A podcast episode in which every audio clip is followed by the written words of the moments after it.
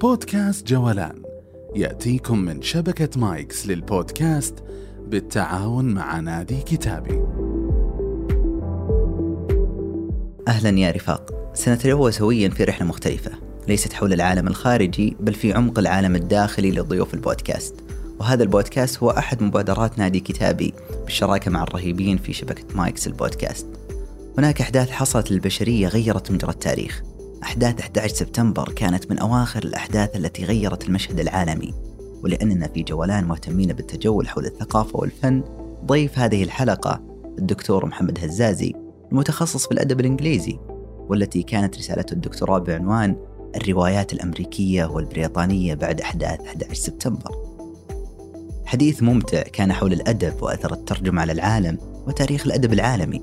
وتأثير الرواية الحديثة والأفلام المرئية كقوة ثقافية ناعمة. والكثير الكثير. وقبل أن نبدأ لا تنسون مشاركة هذه الحلقة لمن يهمهم الأمر وتابعوا حساب البودكاست على تويتر ليصلكم الجديد والحساب في أسفل الوصف. أما الآن لتبدأ رحلتنا قبل شهرين عدت للوطن. الحمد لله على سلامتك. الله يسلمك. ومعك آه، شهادة الدكتوراه فنقول لك مبروك. الحمد لله الله يبارك والعجيب أن عنوان الشهادة وعنوان البحث آه، حول الرواية والأدب بعد أحداث 11 سبتمبر اللي هو الأدب الأمريكي والبريطاني. العنوان مرة يعني يجذب خاصة أنك تعرف دكتور أن أحداث 11 سبتمبر يعني العالم كان يمشي في مسار بعد هذه الأحداث تغير المسار تماما في كل العالم. تحديدا العالم الغربي كيف ينظر للعالم الشرقي وكيف إن أحد الأدباء الأمريكيين قال لماذا يكرهوننا؟ فبدأوا الناس أو الغربيين كلهم يبحثون حول هذا الشرق لماذا يكرهنا هذا الشرق؟ بينما اتخذت موقف آخر آه، لاهتمامك الأدب قلت لا ليش ما أنا أدرسكم في هذا الجانب؟ حدثني عن فكرة ال- الرسالة بدايتك في هالجانب. كيف كانت؟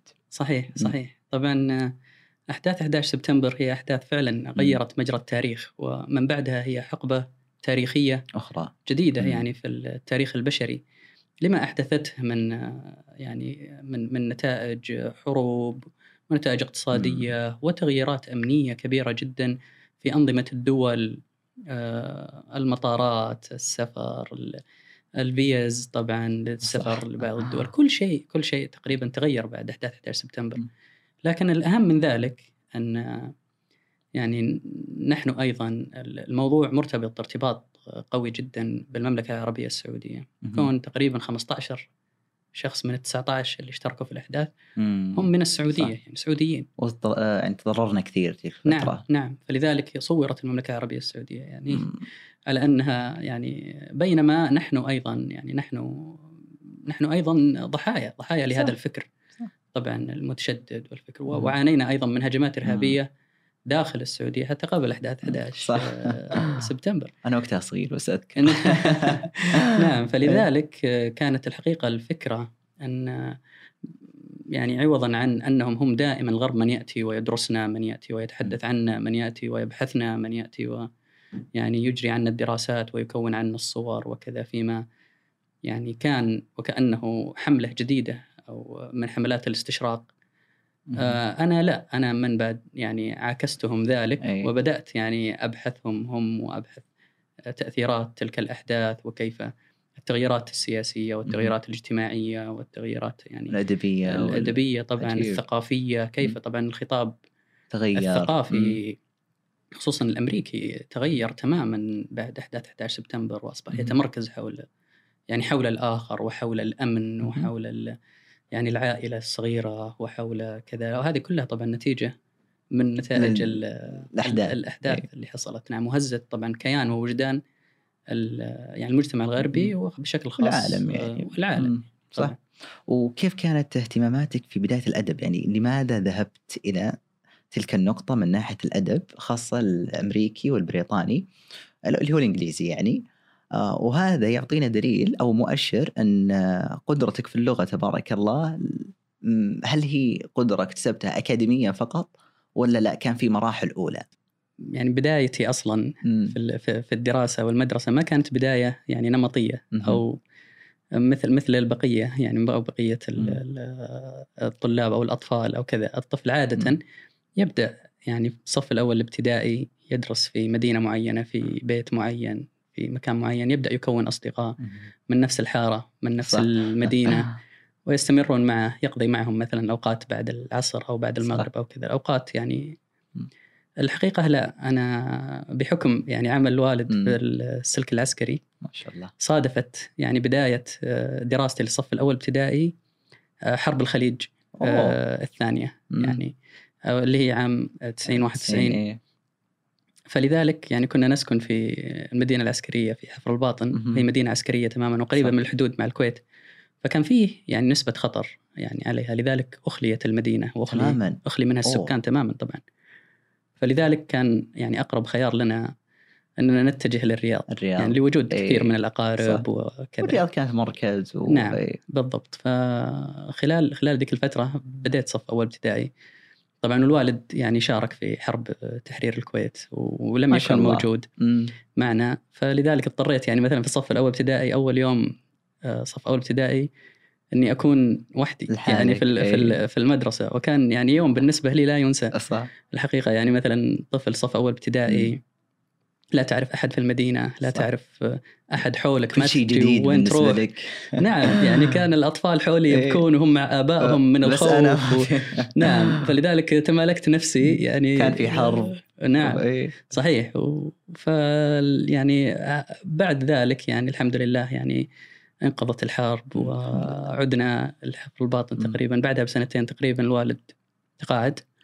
ونقلنا إلى شمال السعودية طبعا الله. إلى تبوك ما شاء الله. فلذلك لم أستطع يعني تكوين أصدقاء يعني من عمر مبكر. لا في الرياض ولا في عجيب. حفر الباطن وحتى لما رجعت يعني أيضا تبوك. كانت الأوقات هذه تقريبا يعني أقضيها يعني بصحبة الكتب. ما شاء الله. يعني نعم. وإجازات نهاية العام. الطويلة هذه آه، استفدت منها بشكل معين. إيه. فكنت آه، من يعني من يعني من حسن الحظ إن كان قريب من بيتنا مكتبة قرطاسية يعني. ويجيبوا كتب فيها كمية جيدة يعني من من الكتب. وكنت أقرأ أي شيء يقع تحت يدي يعني ايا كان. كانت قراءة ابدا غير منضبطة. صح. على حدودكم يعني ما كان في خيارات كثيرة ممكن صح وقتها طبعا. ككتب؟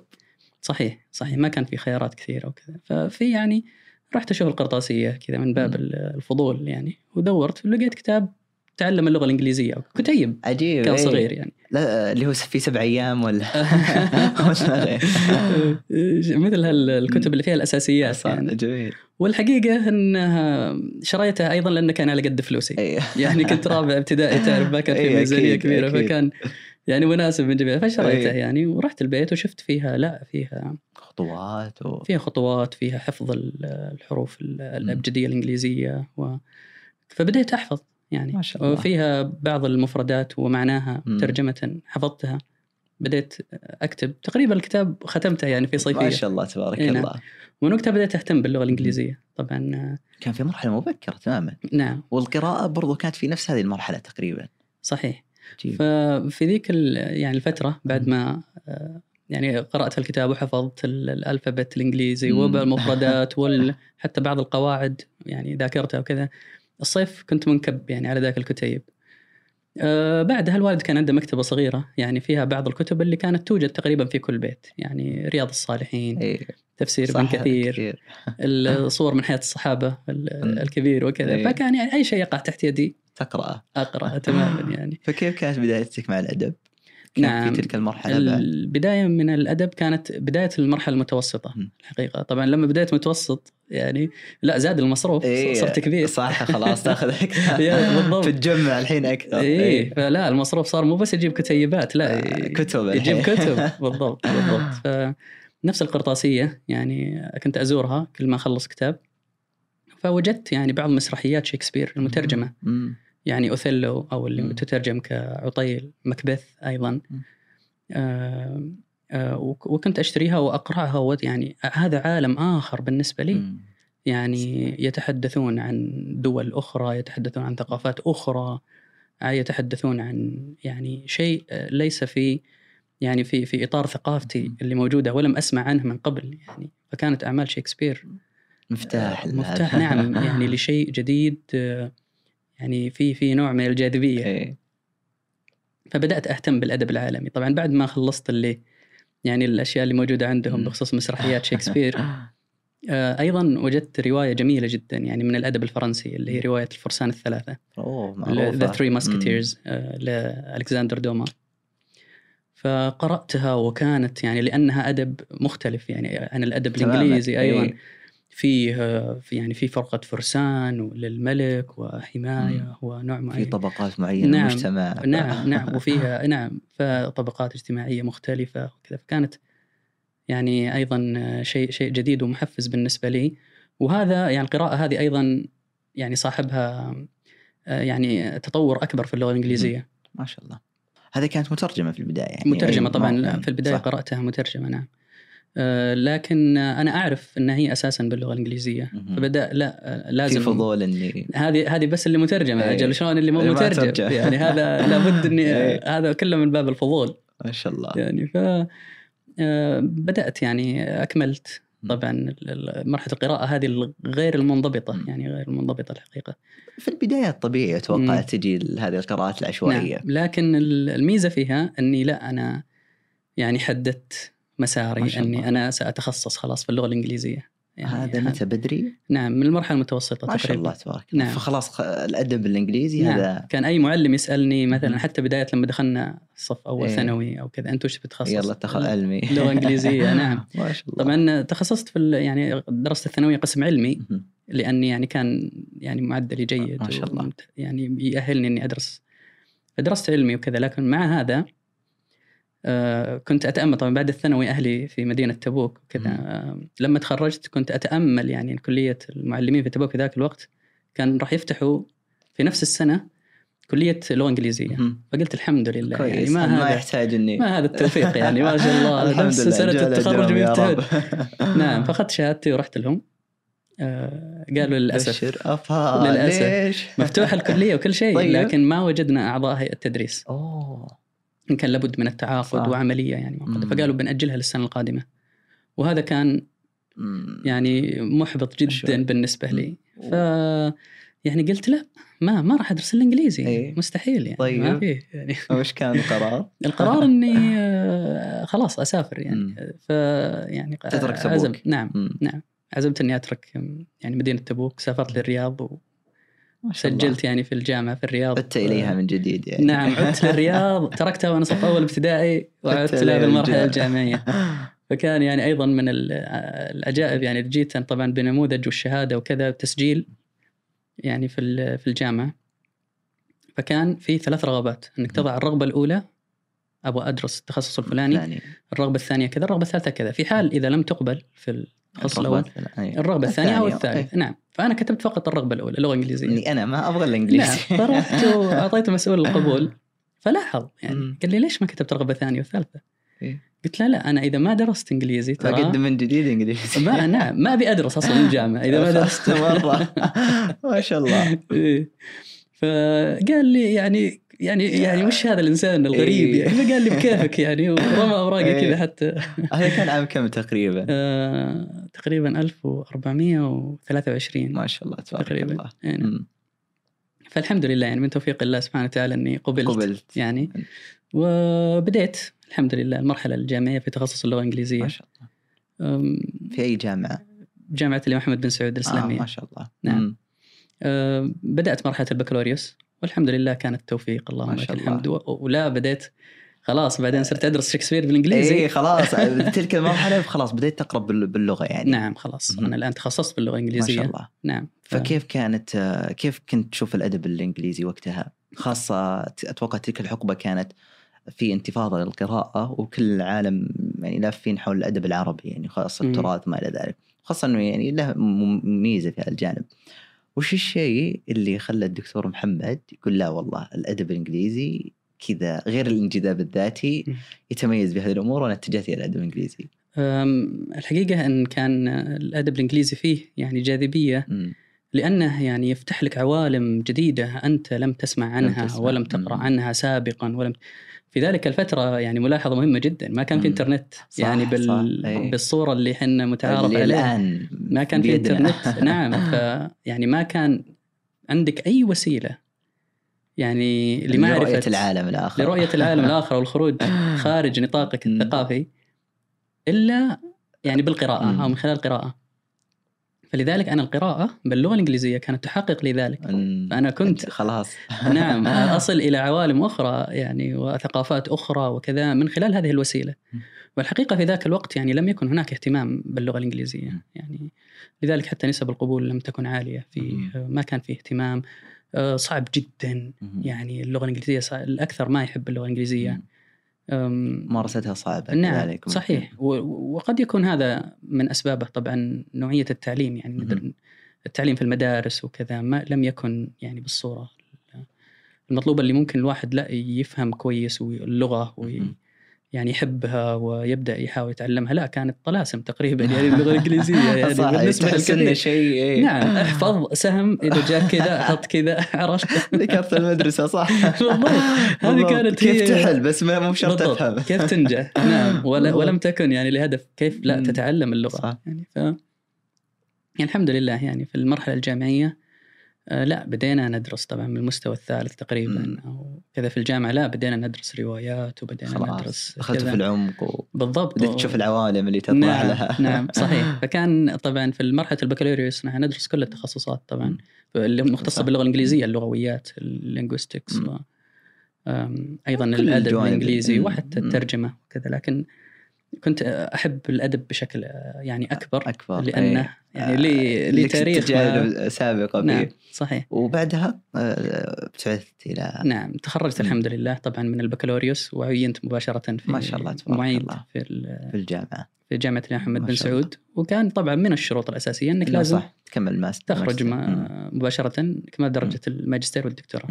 ما شاء الله نعم طبعا آه، كان كان عندي آه، تصور إن يعني أمريكا بعد أحداث 11 سبتمبر. لم تكن مناسبة لي يعني. على الأقل الحقيقة صح. لأن فيه بعض وقتها كان نعم معركة في عز يعني بالضبط يعني وقتها كان الثقافية أتوقع إذا قلنا 23 والى ممكن 27 كانت 27. تفجيرات برضو عندنا للأسف 2007 2007 6 نعم. ما زالت فكان في العديد من الأنظمة. أصلا القانونية اللي صدرت في أمريكا وكذا اللي كانت يعني ممكن موظف الجوازات يرجعك. يعني صح. فقط. من المطار إنك يعني ف... أتوقع في قانون إن الموظف جوازات حق بردك بدون أي طبعا سبب طبعا تسأل طبعا عن هذا أي قانون اللي اسمه ال Patriot Act. يعني اللي هو ولا تسأل عن السبب طبعا طبعا مم. ليس من حق مجرد الاشتباه هذا كفيل بأن أنت نعم. يعني آه، يعني يرجعونك ممكن تلغى فيزتك أو كذا. فهذا الجو ال- يعني الحقيقة من الضغط النفسي إيه. قد يعني يناسب ال- البعض أو البعض يستطيع تحمل ذلك وما عنده مشكلة. أنا بالنسبة لي لا لم أستطع لأن أشعر أن الدراسة لوحدها حمل. أشعر أن يعني عندك هموم كثيرة صح وتشيل هذاك الهم. صحيح. فلذلك زيادة. آه، كان الخيار يعني المناسب بالنسبة لي وأيضا قضية الفضول أمم، إني أروح وأكمل ماجستير في أستراليا. أستراليا. نعم. عالم جديد. نعم. أمم، ليس فقط ذلك لكن أيضا لأن برنامج الماجستير اللي وجدته. في أستراليا. الجامعة الأسترالية كان فيها عدة ميزات منها مثلا دراسة أدب آه، القرن التاسع عشر أو. ال Victorian literature وهو. من أهم حقب يعني در- الأدب الإنجليزي وكان في إنتاج غزير. وكان في حراك ثقافي وحراك سياسي كبير يعني وكذا. فلذلك البرنامج هذا كان يتيح وي يعني لدراسة أدب العصر ال- الفيكتوري. المهم وأيضا دراسة النظرية النقدية مهم. والنقد الأدبي. أوه جميل. نعم والنقد الأدبي مهم جدا جدا جدا لأي متخصص في ال- يعني في الأدب. الأدب الإنجليزي. فلذلك كان صعب أني أجد يعني برنامج مشابه يعني يلبي رغباتي أنا الشخصية وتصوراتي الشخصية عن دراسة الأدب الإنجليزي. ف يعني لم أتردد الحقيقة يعني مثلا وطبعا هذا يعني معلومة للي يعني ممكن يدرسون أي جامعة يعني في العالم مثلا تدرس تخصص مثلا الأدب الإنجليزي أو غيره ما هي متشابهة يعني ما تلقى جامعتين تدرس نفس نفس الأمر لا لكل جامعة برنامج خاص في أوه. تدريس الأدب حقب زمنية معينة نظريات مم. معينة فلسفات معينة لذلك اللي يعني عنده اهتمام معين لابد أنه ما شاء الله يعني ينتبه أو يقرأ تفاصيل البرنامج ويكون مهتم أصلا بذلك في هذا ال- الجانب مو نعم. مباشرة يتخذ القرار ويروح إيه لا لا لا لابد أنه يعني يخ- يحاول أنه يختار شيء هو. يهتم به يعني صح، لكي يتخصص لاحقا أكثر مم. آه، على طاري الأدب قبل أن ننتقل لمرحلة الدكتوراه الدكتوراه كانت في بريطانيا صح؟ صحيح اي آه، كم كانت الفترة تقريبا؟ تقريبا أكثر من خمس سنوات أو مهم. خمس سنوات أو أكثر ما شاء. الله تبارك مرحلة الله. الدكتوراه نعم أي عن الأدب آه، حدثنا يعني ودي أسمع بدايات الأدب خاصة في الأدب الإنجليزي يعني عندنا آه، أذكر كان بداياته في الإغريق وغيره من آه، الحضارات ممكن يعني عصر النهضة ومؤخرا القرون الماضية خاصة يعني القرون الماضية في فن الرواية فنبغى بداية متى كانت الأدب العالمي يعني الإنجليزي تحديدا الحقيقة ال- الأعمال الأدبية مم. يعني تعود إلى تقريبا 2000 سنة قبل الميلاد آه، وفي فيها نصوص يعني مشهورة مثل بعض الملاحم مثل ملحمة قلقمش أو. آه، يعني مثلا كتاب الموت للمصريين القدامى وغيره لكن هذه طبعا لا تعتبر من الأدب ال- الغربي اللي إحنا الآن يعني نتكلم. عنه وليست لها امتداد أو تأثير مباشر.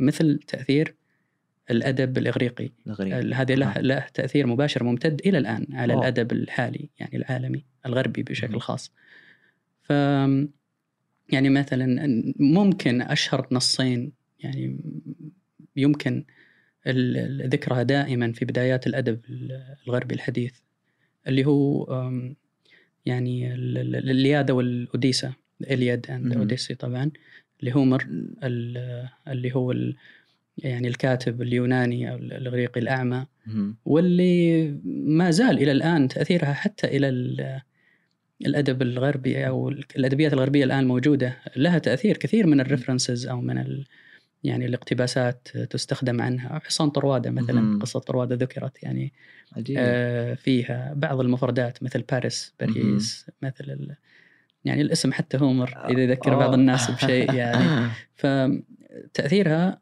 يعني كان موجود ثم بعد ذلك طبعا آه، فلسفات أو تساؤلات آه، سقراط إيه. سقراطيس اللي هو.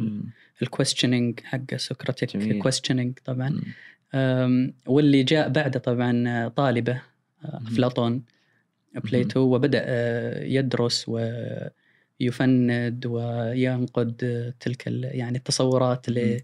لسقراط وبعد بعد أفلاطون طبعا جاء طالبه أيضا أرسطو. ارسطوطل طبعا وبدأ أيضا ينقد آه، يعني أعمال آه، وفلسفات آه، معلمة أستاذ. يعني مم. أستاذة نعم وفي الحقيقة أن ارسطوطل هو ال يعني اللي كان له التأثير مم. الأعظم يعني في الأدب, الأدب. العالمي. الحديث من خلال كتابة طبعا The Poetics في كتابة The Poetics هو وضع مثل ما نقول دليل إرشادي اي يعني للأدب كيف يفترض عجيب. أن تكون كيف يفترض أن يكون العمل التراجيدي. وكيف يفترض وما زالت إلى الآن تلك ال يعني ال- الإرشادات مستخدمة حتى اليوم يعني في الأعمال إلى الآن؟ نعم نعم إلى الآن عجيب. يعني تجد مثلا حتى في بعض الروايات أو بعض الأفلام يعني مثلا هو تجدها مطبقة مثلا تماما حتى بعدها بأكثر من 1500 سنة أو كذا في أعمال شكسبير فاللي يسمونها يعني أرسطوتلز بويتكس طبعا. هي بداية آه، النظرية النقدية تمحور النظرية النقدية بدأت من عصر آه، أرسطو. فالإغريق كان لهم يعني تأثير كبير جدا آه، بعد عصر الإغريق آه، وطبعا والرومان.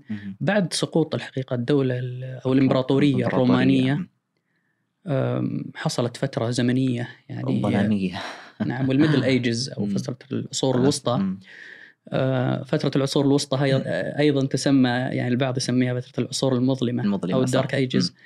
لما حصل فيها من حروب لما حصل فيها من أوبئة لما حصل فيها من يعني تخلف على ال- كثير من الجانبين. الأصعدة مم. العلمية وال- والصحية والكثير من الأصعدة الأخرى أم، ال ال ال يعني الحمد لله يعني أو كذا أن أي. بعض الفلاسفة المسلمين في تلك الفترة هم حفظوا يعني الإرث الفلسفي العالمي. عجيب. نعم. يعني فترة الترجمة اللي كانت فترة العباسيين أتوقع. نعم. هارون الرشيد إيه، وبيت هارون- الحكمة. إيه، بيت الحكمة و... نعم. يعني المسلمين. ساهموا بطريقة مباشرة في حفظ الأدب الإنجليزي. في حفظ أي طبعا في حفظ العلوم الفلسفية يعني بشكل عام. بشكل عام. نعم طبعا ابن رشد الفارابي ابن سينا. كان لهم. طبعا وترجماتهم واهتمامهم بذلك فعلا هو حفظ. يعني. ليش؟ لأن أوروبا في تلك الفترة آه، ركزت بشكل كبير جدا على الجوانب ال- الدينية. وكان في حتى يعني صراعات دينية طبعا آه، كبيرة يعني كاثوليك evangelicans Protestants ما أدري كذا بينهم ساعات معينة وكانت الحقيقة أن الأدب اهتم أكثر فقط بما بما يخص يعني التعاليم الدينية في العصور الوسطى مثلا. اتخذوا أو استفادوا من قضية ال- الأعمال التراجيدية أو الدرامية. فكانوا يعني يأتوا بال يعني ال- الناس اللي بيجوا الكنيسه ويسووا لهم زي العرض المسرحي في الكنيسة. ولكنها كلها حكمة دينية, دينية، وكل ال... إيه. يعني القصة هي قصة للموعظة الدينية ولكي يجذبوا الناس. فكان عمل مسرحي فعلا لكنه ديني تماما. لم يعني الفلسفة وقتها والأعمال الفلسفية اليونانية وكذا تماما أهملت. يعني لكن اهتم بها يعني بعض الفلاسفة المسلمين. المسلمين. ونقلوها وترجموها وكذا. ثم يعني قبل بدايات عصر النهضة في أوروبا خصوصا الإيطاليين في فترة الإيطاليين استفادوا كثيرا من تلك الترجمات و يعني اللي نقلها ال- المسلمين. ومن ثم نقلوها لل يعني لبقية أوروبا واستفاد منها يعني بدأ فرنسا. ثم يعني إنجلترا. يعني الأدب بطريقة أو بأخرى آه، أو الترجمة بطريقة أو بأخرى حفظت لنا الأدب نعم. خاصة إحنا اليوم 30 سبتمبر اليوم العالمي للترجمة إيه. فنتحدث عن الترجمة في هذا الجانب. فالمسلمين ترجموا في تلك العصور وحفظوا الأدب خاصة في العصور المظلمة متى عاد الأدب أو مم. يعني أعيد إحياء من جديد في في أوروبا وفي الغرب بشكل عام طبعا إحنا بس لنقطه بسيطة إيه، معلش تسمح لي. أفتح شوي آه، الله. يسلمك يا تسلم العرب قد يفهم البعض من بعض. عفوا الفلاسفة أن- المسلمين إنهم فقط ترجموا. لا لا, لا هم تر تر ترجموا ونقدوا وأضافوا لهم رؤاهم مم. الخاصة وفلسفاتهم الخاصة وحتى حصلت بينهم يعني آه، خلافات ثقافية فلسفية كبيرة جدا يعني مثلا آه، ال- الفارابي وابن سينا ابن سينا. كانوا مهتمين بالأفلاطونية الحديثة. أو اللي هي تسمى Neoplatonist. يعني آه، آه، أفلاطون طبعا كان يهتم بإيش بال بالعالم الأسمى بالأخلاقيات صح. وبال ethics وال morals وأن لكل شيء موجود في الأرض نسخة أسمى أسماء مدينة يعني- فاضلة يعني نعم والمدينة مم. الفاضله وكذا فكانت يعني هذه الأخلاقيات والمورالز مم. هي نظرة يعني فلسفية معينة للدنيا وللأمور مم. ولهذا لكن لا ابن رشد هو خالفهم كثيرا مم. الحقيقة وهو اصطف في صف طبعا فلسفات أرسطو اللي يعطي قيمة للشيء نفسه بغض النظر هل عن كونه نسخة من شيء اسمى أسماء ولا لا أم لا؟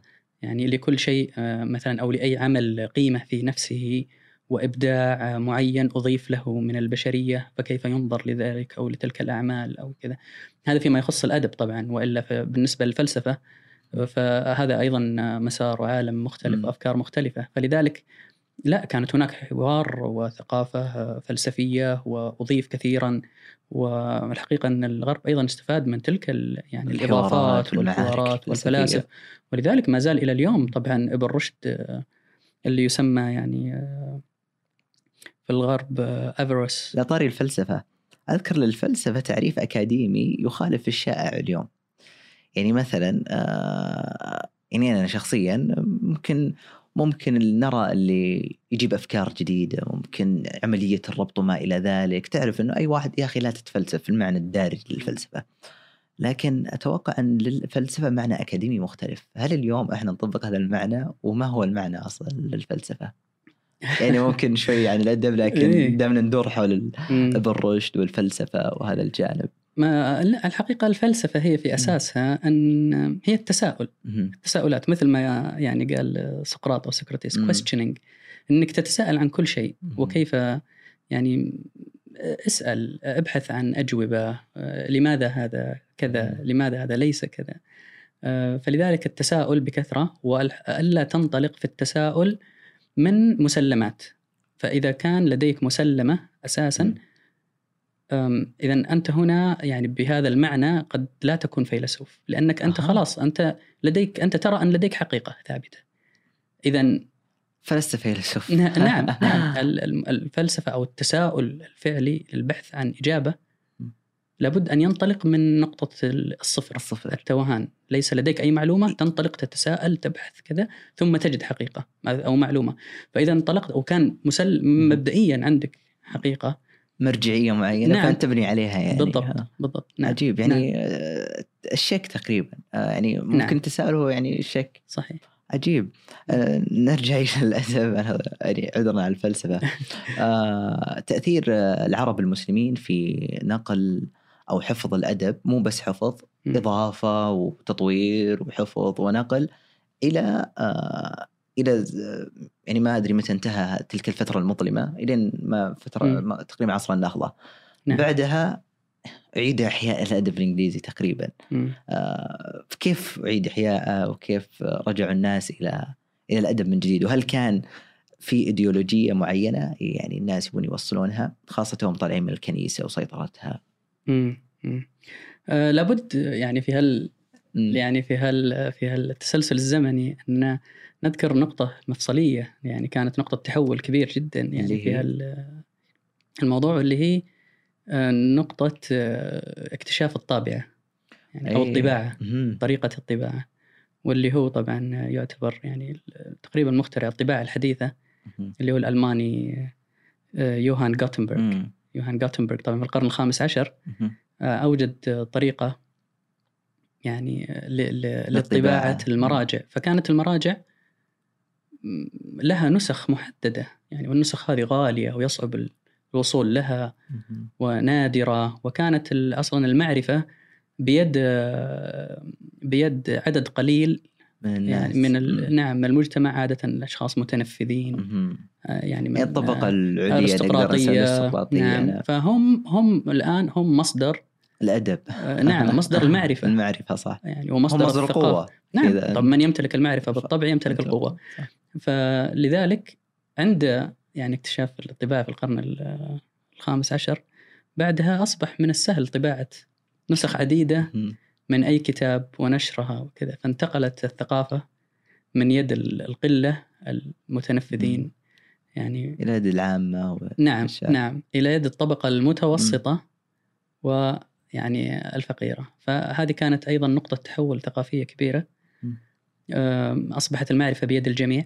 بدل ما تجي مثلا وتشوف مسرحية مثلا تراجيدية. وفي أفكار محددة يعني تصل آه، إليك لا أنت الآن لديك آه، مثلا تستطيع أنك مهم. تقرأ أكثر من كتاب تستطيع أن تصل بسهولة إلى أكثر من مرجع تستطيع أن آه، تقرأ تستطيع حتى أن تكتب يعني وتعبر عن ما في نفسك وتنشر خلاص نعم عندك القدرة نعم و...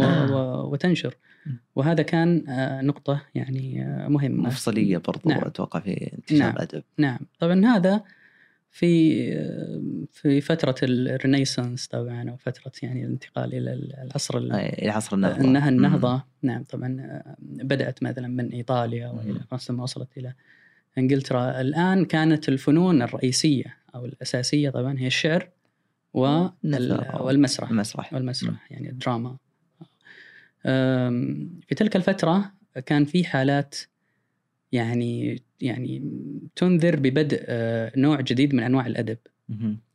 كان بعض لأن استمر فترات طويلة يعني الأعمال الأدبية يبدأ الكتاب يحاولوا إنهم يبدعوا ويحاولوا. يأتون بجديد فبدأت مثلا بعض التقنيات الأدبية مثلا إنشاء حوارات داخل. مثلا القصيدة جميل بين شخصيات وهذا لم يكن أسلوب أدبي موجود سابقا يعني متعارف. عليه فهذا أيضا ساعد على آه، يعني تمخض عنه آه، ولادة علم الرواية عجيب. أو النظر واللي هو فيما بعد أصبح النوع الأدبي الأكثر تاثيرا وإلى اليوم.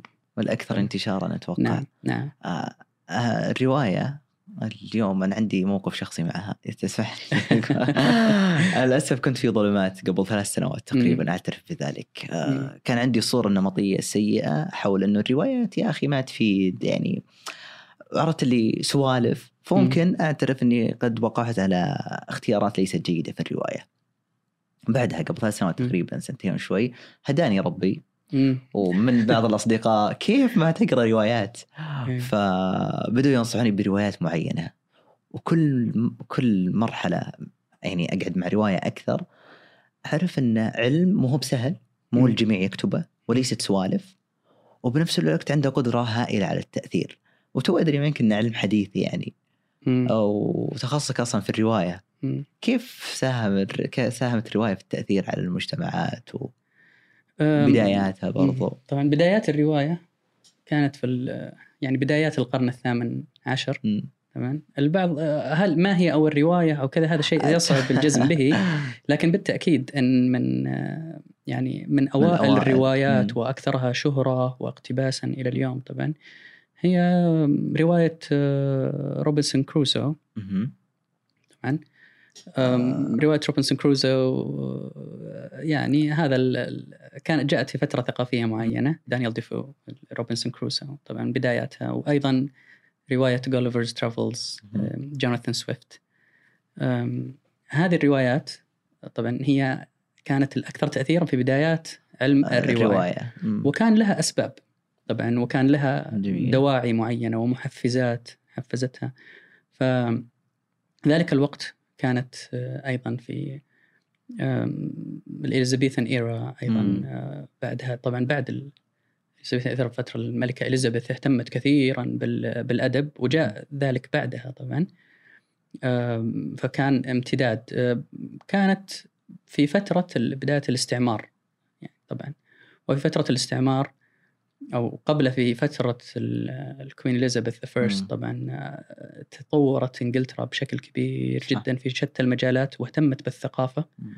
واهتمت بالصناعة اهتمت بال يعني بالقوة البحرية مم. وهذا ما ساعد على اكتشاف العالم ومن ثم رحلات الاستعمار وكذا كثيرة نعم. امبراطورية كانت يعني بالطبع بالطبع ف رواية روبنسون كروسو آم، هي جاءت عن مغامر. شخص يعني مراهق وكذا و- ويبغى يكتشف العالم. فقرر السفر بالبحر يعني على غير هدى. يلقى ناس طالعين بسفينة ويبدأ يبي يكتشفون العالم فخرج معهم وفيها الكثير من النقد يعني أصلا لل للاستعمار فيها كثير من النقد للنظرة للآخر آه، والنظرة للشعوب اللي كانت تكتشف طبعا الآن آه، يعني من يقرأ رواية آه، روبنسون كروسو لدانيال ديفو يجد فيها العديد من المصطلحات اللي الآن يصعب أنها تستخدم يعني في أوه. العالم الحديث في وصف الشعوب اللي كانت تكتشف مثلا مم. شعوب أمريكا الجنوبية خصوصا وأفريقيا يعني كانوا يعني في الرواية يصفهم بالبرابرة يصفهم أوه. باكلي لحوم البشر بالمتخلفين بالعبيد.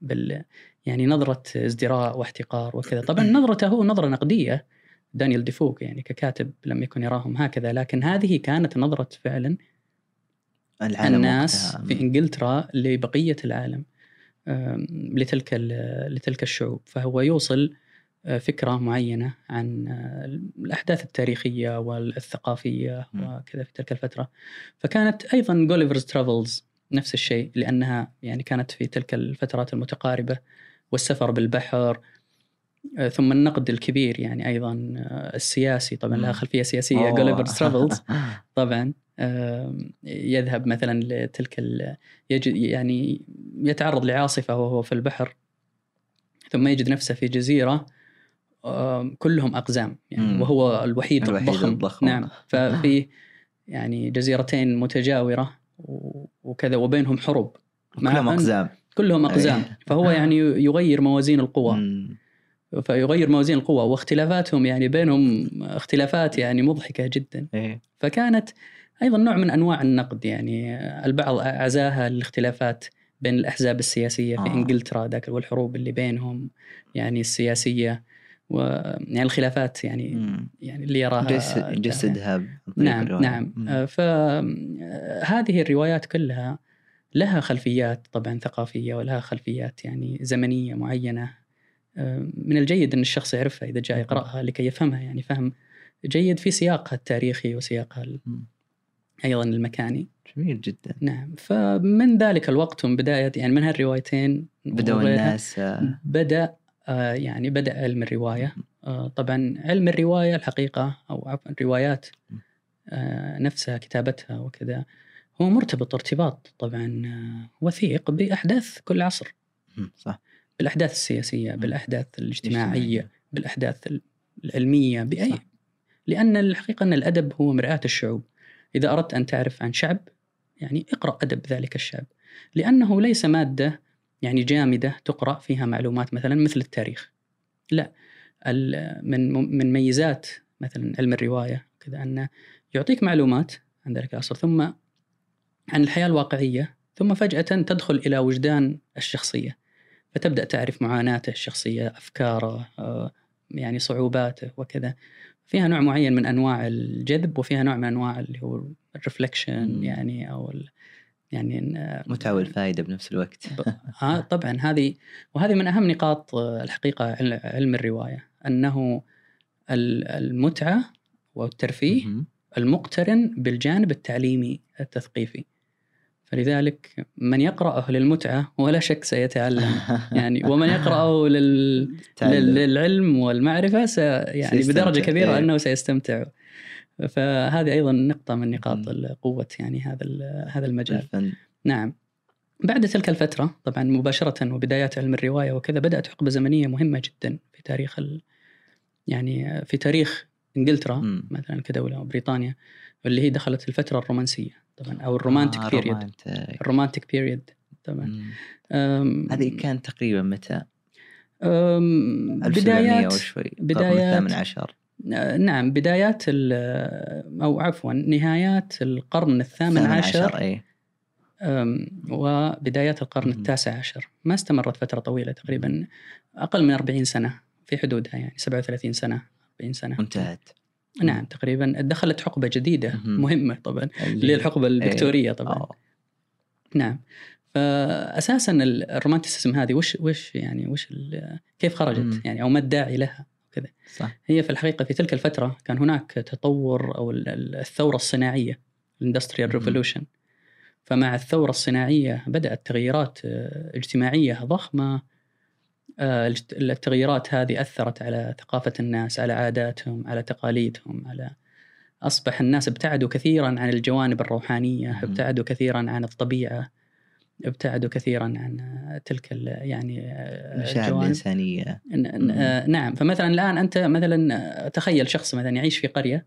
وأنت تعيش في مدينة مثلا مكتظة مدنية مكتظة وكذا. مثلا مثل الرياض.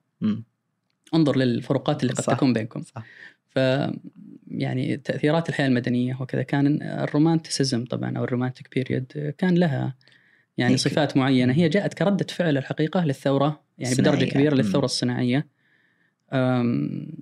أيضا يعني توافقت مع أحداث سياسية مثلا كان يوجد جزء كبير مثلا من الشعب فقير يعني طبقة فقيرة. ولم. يكونوا يستفيدوا من تلك الثورة الصناعية تلك الثورة الصناعية يعني كان لها عوائد مادية يعني على الدولة كذا فلم يكن يعني الفقراء أو الطبقات ال- الوسطى يعني يستفيدون بالشكل ال- المباشر. اللازم. إيه. هذا هذا شيء يعني نعم لكن طبعا الفترة الرومانسية في الجانب الأدبي أوه أخرجت لنا مم. العديد يعني طبعا من تقدر تذكر من؟ ال- الروايات من الشعر أجمل من أجمل أنواع الشعر طبعا. كان في تلك الفترة. ويليام ووردسورث طبعا جيد. و و و و وشيلي. وغيرهم طبعا من المؤلفين العظام اللي هو في الفترة ال- آه، الرومانسية والأدب الرومانسي. ولذلك يعني حتى نقول لابد من دراسة الأدب الحقيقة في سياقه التاريخي لكي يتضح يعني فعلا أو الشخص يفهم تماما آه، ما المقصود ببعض المصطلحات أو المفردات أو الأفكار أو أو أو كذا. لذلك ستجد آه، مثلا أن ال- ال- الحركة الرومانسية مثلا مؤثرة على أو من أفكارها مثلا الليبرالية وال radicalism وال وال والمحافظة conservatism مثلا وال وال nationalism الشعور بالوطنية وهذه هذه كلها ثيمات من الثيمات اللي. كانت تنادي بها آه، مثلا الحركة الرومانسية وكلها مناقضة طبعا لحركات أخرى اللي هي ال- ال- اللي سبقتها لا؟ وكذا طبعا لأن كان في فترة الملكية طبعا مم. والديمقراطية هذه هذه عدو والمنادى بال reform يعني التغيير السياسي مم. يعني الإعادة هيكلة الدولة سياسيا هذه الفكرة من وين. جتهم؟ من الرومانتيكية آه، من الأدب الرومانسي ولا من وين؟ الأدب الرومانسي لا هم يبغى هو يبغى يبغون هذا لا يبغى الأمور تستقر كما إيه. هي مثل أول جميل. الثورة الصناعية والأفكار الجديدة طبعا هي. أثرت عليهم ثقافيا التأثير هذا جاءهم من الثورة الفرنسية أوه صح وقتها كان احد نعم. احداث الثورة نعم الفرنسية. فالثوره الفرنسية طبعا وقتها. يعني آه، تخلصت بشكل معين يعني مم. طبعا وكذا من من الملكية مم. من الحكم الملكي فكان فيه. ناس موجودين يريدون يعني أيضا نفس. التغيير مم.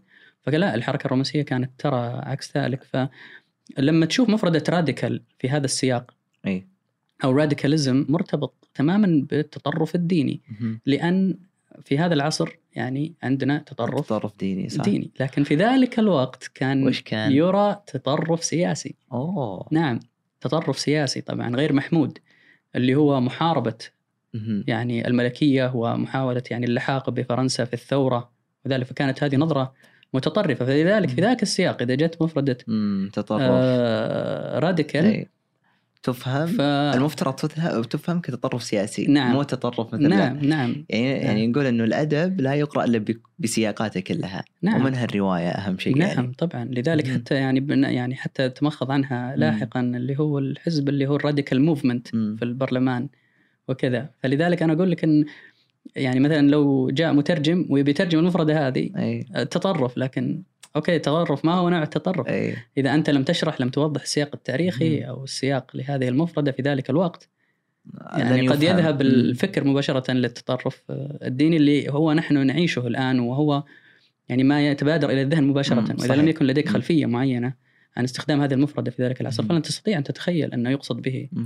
يعني تطرف يعني المترجم مو آه، مهمته فقط يحول النص لا لا طبعا لا. لا طبعا آه، هنا نجي أصلا المترجم الواعي الفاهم إيه، وغيره من الاشياء صحيح صحيح يعني هل المترجم حق في الإضافة في النص الأصلي ل- للرواية أم، ولا يقول أنا بترجم مم. والناس لا؟ داخل النص لا، داخل داخل النص، النص لا آه، لكن في الحاشية. مثلا ممكن حتى يحيل إلى نهاية الكتاب مثلا في. نهاية الكتاب انظر إلى الفقرة رقم ويشرحها يعني طبعا في الأسفل ويبدأ يشرح ويتحدث أكثر لكنها مهمة مهم. يعني ف جميل آه، جدا آه، وش كان بعد الفترة الرومانسية خلاص دخلت ال Victorian فيكتوري، أي. نعم العصر الفيكتوري طبعا واللي هو درستها أنت اهتميت فيها بالماجستير. لأن نصوصها يعني طبعا إيه. أو انتاجها الأدبي كان غزير وكان ليس فقط الإنتاج الأدبي كانت التحولات التاريخية. والعوامل. الثقافية فيها كانت والسياسية وثورات. وكذا. كانت يعني غنية جدا لدرجة أنها يعني أنتجت العديد من الروايات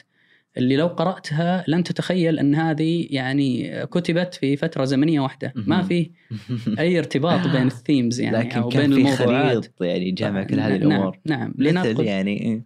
لنقل أو- مثلا ال- الدين. مثلا حلو. الدين في ذلك الوقت كان في حروب بين ال Anglicans وبين ال- العديد من يعني الطوائف ال- أم، ال- الكنيسة إنجلترا Church of. England صح.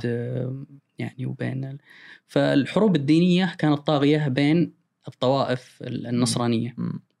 وهذا يعني الحروب الدينية مشكلة أيوة، كبيرة صح. نعم تأثيرها قوي دائما نعم فعندك الحروب الدينية بين بعض الطوائف النصرانية النصرانية. يقابلها شيء معاكس تماما اللي هو اللي هو الغير المتدينين. ابدا يعني ابدا ما هو غير مو المتدينين إلا الاجنوستكس يعني إيه. ال- أو اللا أدرية يعني يقول لك. ممكن يكون في ممكن، إله إيه. ممكن ما يكون في إله. وفي ال free thinkers اللي ال free thinkers طبعا اللي يعني يبغى يفكر أو يكتب أو كذا. خارج نطاق الدين إيه. أو بعيدا عن. الدين يعني ف آه، لذلك أو اللي هم العلمانيين. يعني حتى جون ستيوارت. ميل حتى توماس كارلايل وجورج إليوت. وغيرهم من الأسماء. فماثيو أرنولد طبعا من هؤلاء الكتاب. هذا القرن التاسع عشر تقريبا صح؟ نعم. طبعا الفترة هذيك اللي أثر تأثير كبير في تلك الفترة كتابات تشارلز داروين. كان تو طالع للناس و... آه، إيه، إيه، صح. في- كان تأثيره قوي جدا يعني تلك الفترة. نعم التطور. نظرية نظرية التطور, التطور و... صح. يعني والكتابات الأخرى يعني هو نعم وجود كان- من إيه. عدم وجود إله التطور العلمي. فهذه كلها أثرت يعني تأثير كبير على الأدب في تلك الفترة فتستطيع أن ترى أعمال أدبية مثلا فيها تدين واضح. فيها أعمال أدبية لا مختلفة يعني تماماً. مختلفة تماما أيضا أوضاع ال- الأجواء العائلية مم. وال يعني وال والأدوار المناطة بال- بالرجال والنساء في تلك. الفترة فالعوائل الممتدة العائلات الممتدة اللي فيها جد مم. وجدة وجد وكذا بدأت تنحصر يعني بدأت تنحسر تصغر يعني إلى ال nuclear family أو اللي هي بس أب وأم جميل وطفل وكذا طبعا مع التطور الصناعي ومع تغير نمط الحياة البيوت. صارت أصغر الناس بدأوا ينزحوا ل يعني للمدن اللي فيها مصانع عشان يشتغلوا ويجيبوا فلوس. بدل لا نعيش في مزرعة والمزرعة فيها بيت كبير ويشيل أي، الكل. ويعني الأطفال مهما حتى لو. كثير يرعوا الماشية. من نفس نعم. أيوة، لا بدأ وين؟ لأن نمط حياة مختلفة تماماً. مختلف تماما أيضا الأدوار المناطة يعني مم. بالنساء مختلف صح دخولهم في يعني هالجانب. نعم النساء ما كان المفترض إنهم يؤلفوا ما مم. كان المفترض إنهم يكتبوا اللي من- بأسماء مستعارة للرجال باسماء. مستعارة للرجال طبعا نعم. في في تلك الفترة فتجد ذلك التكنولوجيا طبعا من الأفكار والعلم والهندسة مم. كل هذه آه، تجدها أثرت على أدب القرن التاسع عشر أو الأدب. الفيكتوري أيضا ما بعد الفكتوري وش كان؟ ال- خلاص أدب آه، القرن العشرين العشرين الأدب والنظريات الجديد الآن ال- اللي بدأت تخرج آه، نعم. الحداثة وما بعد آه، الحداثة. وكذا والحقيقة أن الشيء الأبرز خلاص بعد. ذلك وكذا اللي هي أدب ما بعد أحداث 11 سبتمبر أي، هو ممكن اللي- نتكلم عنه ممكن خاصة في الرواية تأثير تأثير الرواية في هالجانب. آه يعني أذكر ما أدري أنا قرأت أو شاهدت ممكن مقطع في تد لكن والله إني ناسي وش كان بس بقول الفكرة. وقد يعني يكون صحيح أو غير صحيح آه، كان في تصنيف حول الأدب أو حول الأشياء المكتوبة الأكثر تاثيرا كان. منها الدراسات العلمية البحوث و. كان الأول هو الرواية مم. فاستغربت إلى أي مدى الرواية تصل إلى تلك المرحلة من التأثير ومن تغيير المجتمعات خاصة اليوم بعد أحداث 11 سبتمبر مثلا وأحداث كثيرة تحصل كيف ساهمت الرواية في صناعة أفكار جديدة وغيرها آه، طبعا كل مم. يعني كل من سافر للغرب يجد أن أنت تشوف الناس يقرؤون مم. في محطات القطار صح. وهم ينتظروا في الشارع. في, في كل الكوفي مكان. مم. شوبس في أي مكان تلقى الناس معهم كتب غالبا ويقرأوا آه آه يعني واحدة حادثة مم. طريفة يعني مرة إيه. من المرات أنا يعني معدي أمشي في يعني كذا مدينة في بريطانيا وفيه آه، شخص مشرد مم. يعني هوملس في الشارع قاعد ما عنده شيء ياكله.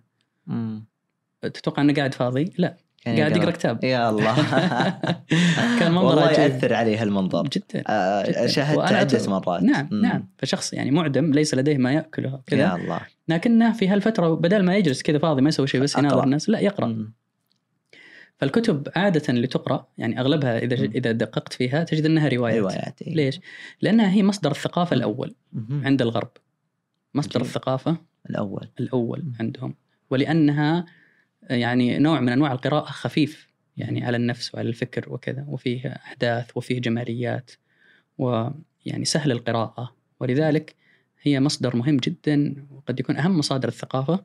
في العالم الغربي. ولذلك فتأثيرها أيضا قوي جدا. قوي جدا. ولسبب آخر أيضا أن غالبا يعني مؤلفي الروايات هم فلاسفة في. الغرب. هم أشخاص معروفين بالتفكير الحر.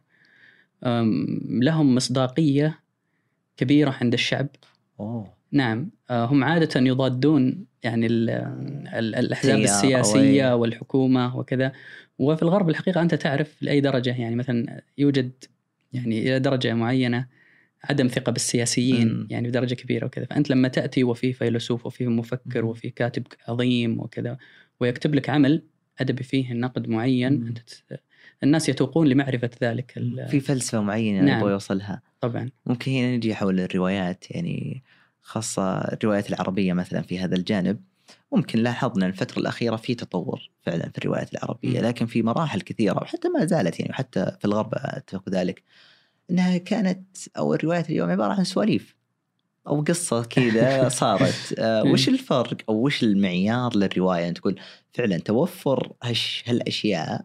هو هالمقاييس يعطيها رواية حقيقية. مم. هل منها الحبكة الفلسفة؟ هو طبعا مثل ما قلنا ال- الغرب عادة الروايات هي نتيجة لحراكات معينة في المجتمع. إما أن ذلك حراك ثقافي مم. أو حراك سياسي اجتماعي. أو اجتماعي أو كذا. فلذلك هي يوجد لها باعث قوي يجعل تلك الرواية تصدر وليست مجرد رواية مثلا لسرد قصة أو تجربة إنسانية عادية آه، ليس لها آه، يعني خلفية فلسفية أو أو خلفية ثقافية معينة أو كذا. فلذلك هم يعني طبعا أنا لا أزعم من كل الروايات طبعا مم. هذا غير معقول يعني بالطبع لديهم روايات يعني غير آه، قد لا تكون بذلك, العمق. لكن لديهم بالطبع روايات ثقيلة جدا جدا.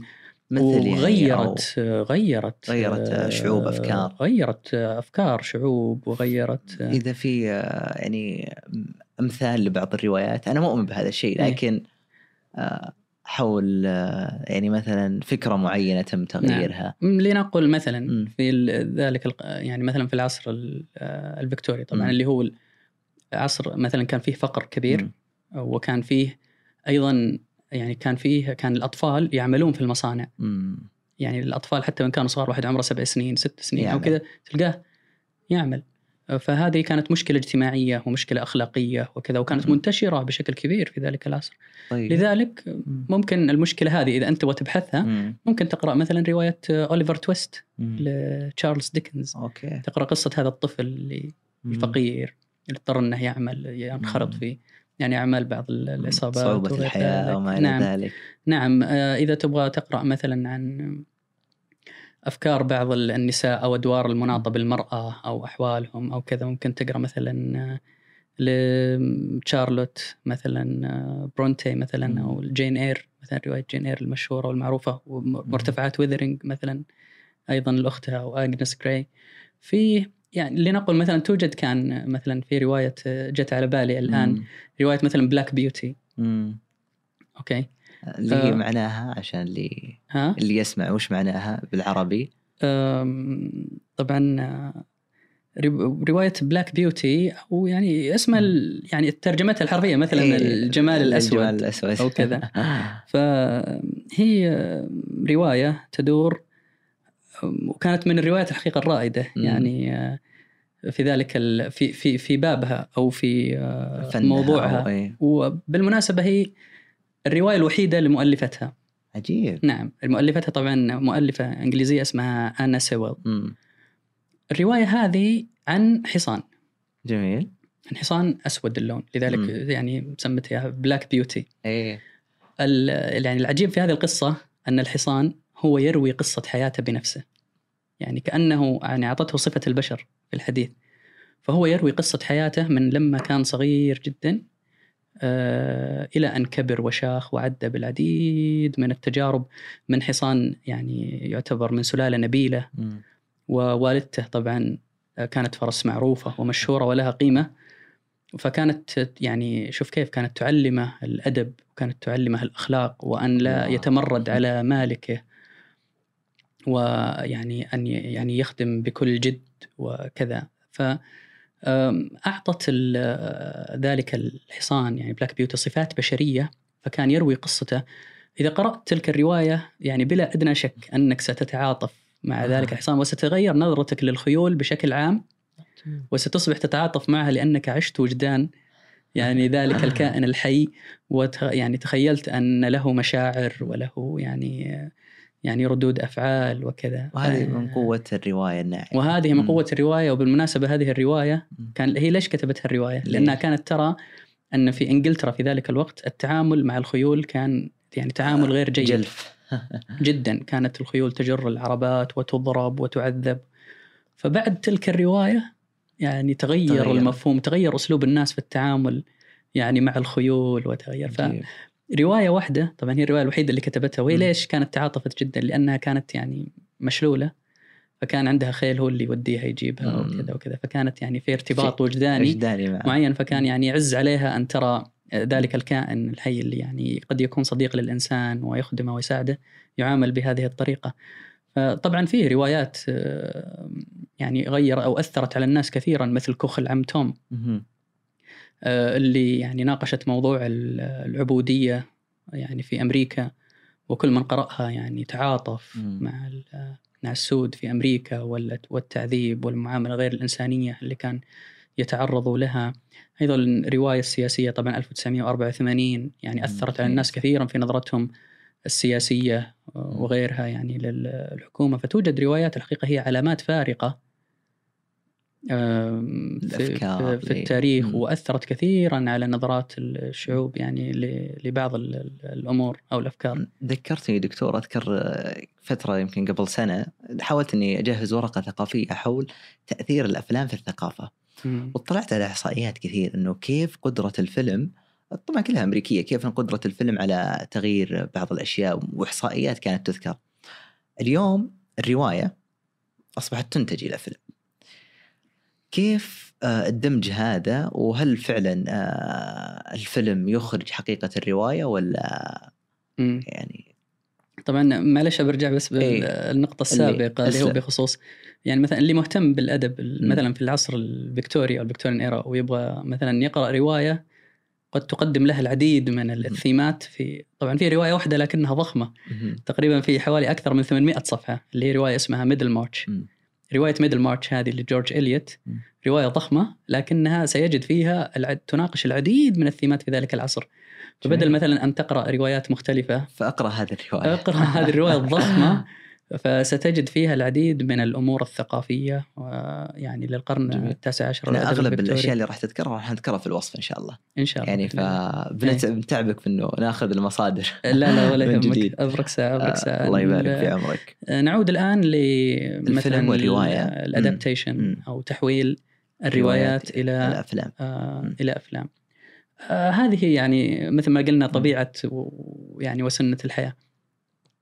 اللي هو التطور م. طبعا في في الأنماط الثقافية وفي الإنتاجات الثقافية. مثل ما الرواية جت متأخرة يعني عن المسرح وعن الشعر وأصبح لها أهمية أكبر وانتشار أكبر وكذا آه، أيضا الآن الأفلام لها اهتمام أكبر صح. يعني في صار في قدرة و نعم ويدفع عليها مم. يعني دفع ما يحتاج. يعني يعني عالي جدا. آه، لعدة أسباب. أول شيء لاستغلال طبعا ميزة الصوت والصورة والمؤثرات الصوتية أيضا قصر المدة يعني لكل للفيلم أو حتى يعني عوامل عوامل الجذب قد يعني تناسب يعني العديد من الناس أكثر مع تسارع الحياة. إحنا يعني الآن نعيش حياة سريعة جدا. هذا ما جعل يعني إيه. مثلا الوجبات السريعة. تاخذ سوق. نعم تنتشر وكذا. فايضا نبغى يعني وسائل ثقافية سريعة مثل الوجبات السريعة. وكما للوجبات السريعة يعني من أضرار من من أضرار أيضا. الوجبات الثقافية السريعة والوجبات الثقافية السريعة نعم لها أضرارها يعني. فإن صح التشبيه. آه لكن فعلا تحويل الروايات يعني إلى أفلام أنا لا أريد أن أنحاز هنا أو لا أريد أن أفضل نوع على نوع. هي ببساطة هي أنماط أو أنواع ثقافية مختلفة. يعني بكل بساطة. بكل... يعني من من يحب الأفلام ويميل لها أكثر وتجذبه أكثر فيعني هنيئا له ويستمتع. إيه. نعم ويستمتع. ومن لا يستمتع أكثر بقراءة الروايات وكذا فلا يعني. في. نعم. وأجد الحقيقة العذر يعني طبعا في مجتمعنا الآن يعني اهتمام أكثر بالمسلسلات صح. وبالأفلام. وهذا طبيعي منطقي يعني الحقيقة. لأن لم يواكب مثلا علم الرواية مثلا ترجمات حركة ترجمة أدبية عالية جدا بحيث أن أي رواية يعني ناجحة أو كذا مباشرة تترجم إلى اللغة العربية فتقرأ صح. بلغتها آه يعني باللغة بلغة الشخص الأولى. المترجم. نعم. فلذلك لا ترجمة الفيلم أسهل. يعني مثلا وأسرع. نعم رواية مثلا في 500 صفحة 600 صفحة أو حولها تختصر مثلا في فيلم ساعة ونص أو ساعتين ومترجم أيضا. أسهل بالطبع يعني وأكثر جاذبية. صح. خصوصا لمن لا يتحدثون اللغة الإنجليزية. ولكن لا في المجتمعات الغربية خصوصا في بريطانيا وفي أمريكا وفي أستراليا وكذا طبعا يشوفوا الأفلام وكذا لكنهم هم يعون أن الفيلم هذا يعني هو وجبة خفيفة أو سناك مقارنة بالروايات أو بالروايات. لذلك مع خروج أو إصدار أي فيلم مقتبس عن رواية تجد الرواية انتشرت فجأة في الأسواق هناك وفي المكتبات. تجدها بالأكوام تطبع والناس يشترونها لأنهم يبغوا يرجعوا للمصدر الأساسي, الأساسي، يبغوا يرجعوا صح. لل يعني للمعلومات والتفاصيل الأكثر ويبغوا يرجعوا يعني ل يعني ال- ال- ال- القراءة ال- الأكثر عمقا وليس مجرد الوجبة الخفيفة. والوجبة السريعة نعم جدا. الموجودة يعني في ال- الفيلم. لذلك تجد اختلافات كبيرة. لأن خلينا نشوف مثلا أذكر مثال. مثلا يعني طرى البال. فيلم مثلا ذا جريت جاتسبي. من أشهر الأفلام يعني طبعا. و... والروايات طبعا هو قبل ذلك رواية صح. يعني كانت تتحدث عن فترة مهمة جدا في التاريخ الأمريكي. أم... لنقل مثلا لما كان يعني جاتسبي آه، ينتظر مثلا دايزي بعد سنين طويلة يعني ينتظرها أن تزوره يعني مثلا في منزله وكذا وكان في يعني مرتبك أو يعني كان يعني على أعصابه مم. ينتظر وصولها كان الوصف مثلا في الرواية ان يعني هو كيف كان يعني كان يضع مثلا يديه في جيوبه وكأنها يعني محملة بالأثقال وكان يقف يعني وسط يعني من الاجزاء كان يصف يعني يقف في وسط بركة من. الماء ومرتبك يعني كان فكان الوصف طبعا وصف آه، دقيق لمشاعر آه، جاتسبي مم. آه، استطاع القارئ أن ينفذ إلى مشاعره إلى. تفكيره إلى يعني ارتباكه إلى يعني أدق مشاعره أن وصلها يعني بهذه بالضبط. الطريقة. في الفيلم لا. في الفيلم وش سوى قبل لأنك ما محدود ينتظرها بوقت يعني. غيروا يعني. مثلا آه، راح وجاب كمية كبيرة جدا من الورود. ووضعها في البيت. هذا غير موجود في غير الرواية. اعتمدوا مثلا على تعابير الوجه وتمثيل الممثل. لعله يوصل نعم اعتمدوا صح. على. الصوت. اعتمدوا على زاوية الصورة مم. على الكلوز اب على ال يعني التعابير. فاذا التقنيات تختلف الكذا يختلف في الفيلم يعني حاولوا استخدام العناصر اللي هي أكثر قوة عندهم الصوت والصورة و- وزاوية ال- المشهد وكذا وإبداع مثلا الممثل مم. ولكن في الرواية لا اعتمدوا على قدرة الكاتب في الوصف. والكذا اذا في اختلافات هذه يعني الفروقات تقريبا نعم. آه ذكرنا الترجمة. لعلي أعود إليها خاصة اليوم يعني اليوم العالمي للترجمة. ونبغى نصيحة يعني إذا بتقدم نصيحة. للمترجمين العرب اليوم. في الجانب الأدبي آه، بشكل عام يعني ممكن الجانب الروائي إيش النصيحة اللي ممكن يقدمها الدكتور محمد خاصة يعني في ظل كم المعرفة التي جالس جالسة تبذل أصلا يعني في. الغرب وحتى اللغات الأخرى ال- طبعا الترجمة الحقيقة آه، جانب مهم جدا جدا جدا يعني في آه، وممكن يفيدنا كثيرا في يعني كتطور ثقافي وعلمي والترجمة آه، طبعا يعني أهمية كبيرة في تطور الشعوب والأمم وشفنا. يعني في- نفس تاريخيا سابقاً، نفس سابقا. نعم لذلك الترجمة طبعا هي مجالات كثيرة وعديدة جدا في الترجمة الشفوية في الترجمة التحريرية في الترجمة طبعا بمختلف التخصصات الطبية العسكرية ال- مم. كذا يعني لكن بما أنه يهمنا فقط. يعني نذكر إيه. الترجمة ال- يعني الأدبية الأقدر الحقيقة على الترجمة الأدبية ليس كل مترجم يستطيع أن يترجم ترجمة أدبية صح. لابد أن يكون المترجم لديه ذائقة أدبية مم. يعني عالية لابد أن يكون ملم بالأساليب الأدبية آه، مثل معرفة ال- الاستعارات. والتشبيهات وال يعني ال- ال- ال- ال- الأساليب الأدبية التي يستخدمها. الكتاب أيضا خلفية ثقافية كبيرة جدا لابد أن تكون لدى المترجم ال- الأدبي مثل ما قلت لك لأن في بعض. المفردات بعض المصطلحات لها معاني في أزمنة معينة أو في أوقات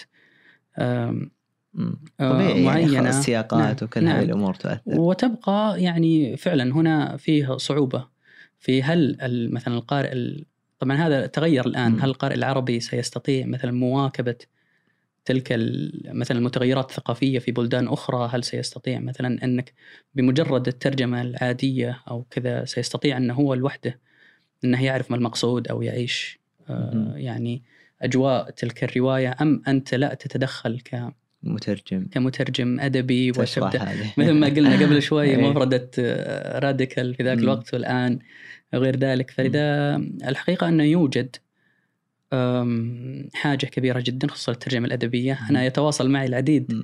ويسألوني عن بعض الروايات هل هي مترجمة أم غير مترجمة والعديد من الروايات المهمة يعني سواء تاريخيا أو حتى اللي كإنتاج حديث الآن غير مترجمة لم تترجم بعد يعني. للأسف فأنا أشعر بجزء من المسؤولية إيه. يعني على هذا ولكن الجانب. هذا يحتاج إلى أيضا مجهود ويحتاج إلى صح. يعني وقت ويحتاج مم. إلى ولا بد يعني أنا أدعو الحقيقة مم. ل يعني من لديه تلك الملكة. الأدبية مم. والقدرة اللغوية وكذا أنه يساعد في. نشر المعرفة يعني نعم وإثراء المكتبة العربية لأن الروايات هي ليست يعني فقط آه، حكي يقال لا طبعا هي, هي- تبنى على مم. فلسفة وتبنى على. أحداث وتبنى على. أمور عديدة قد تكون يعني آه، ذات آه، يعني أهمية كبيرة مم. في الثقافة إذا ما عرفها الشخص. إحنا نبشرك في كتابي عندنا مبادرة ثقافة مم. وهي مختصة بترجمة الأدب والثقافات بس من غير اللغة الإنجليزية فنقول إحنا إن شاء الله قادمين في هذا الجانب في من ناحية كتابي وأكيد لا نخلو من يعني مساعدتك في هالجانب. والحديث معك لا يمل دكتور محمد الله يرفقك. لكن بإذن الله راح تكون هناك لقاءات أخرى كان إما في البودكاست أو حتى لقاءات ميدانية خاصة أنك الآن جيت الرياض. فكتابي يعني من الآن يقول آه،. إذا كان في استطاعة أن نقدم أوراق في هذا الجانب نكون لك شاكرين الله آه. يحييكم وأنا الحقيقة أسعد بذلك. ويوجد أيضا أكثر. أسماء أخرى مم. يعني متميزة ويعني لست وحيدا في المجال آه، فيك خير وبركة ويكفي كل ما قدمته تبارك الله الله يرفقك شكرا لك. دكتور محمد شكرا لك عزيزي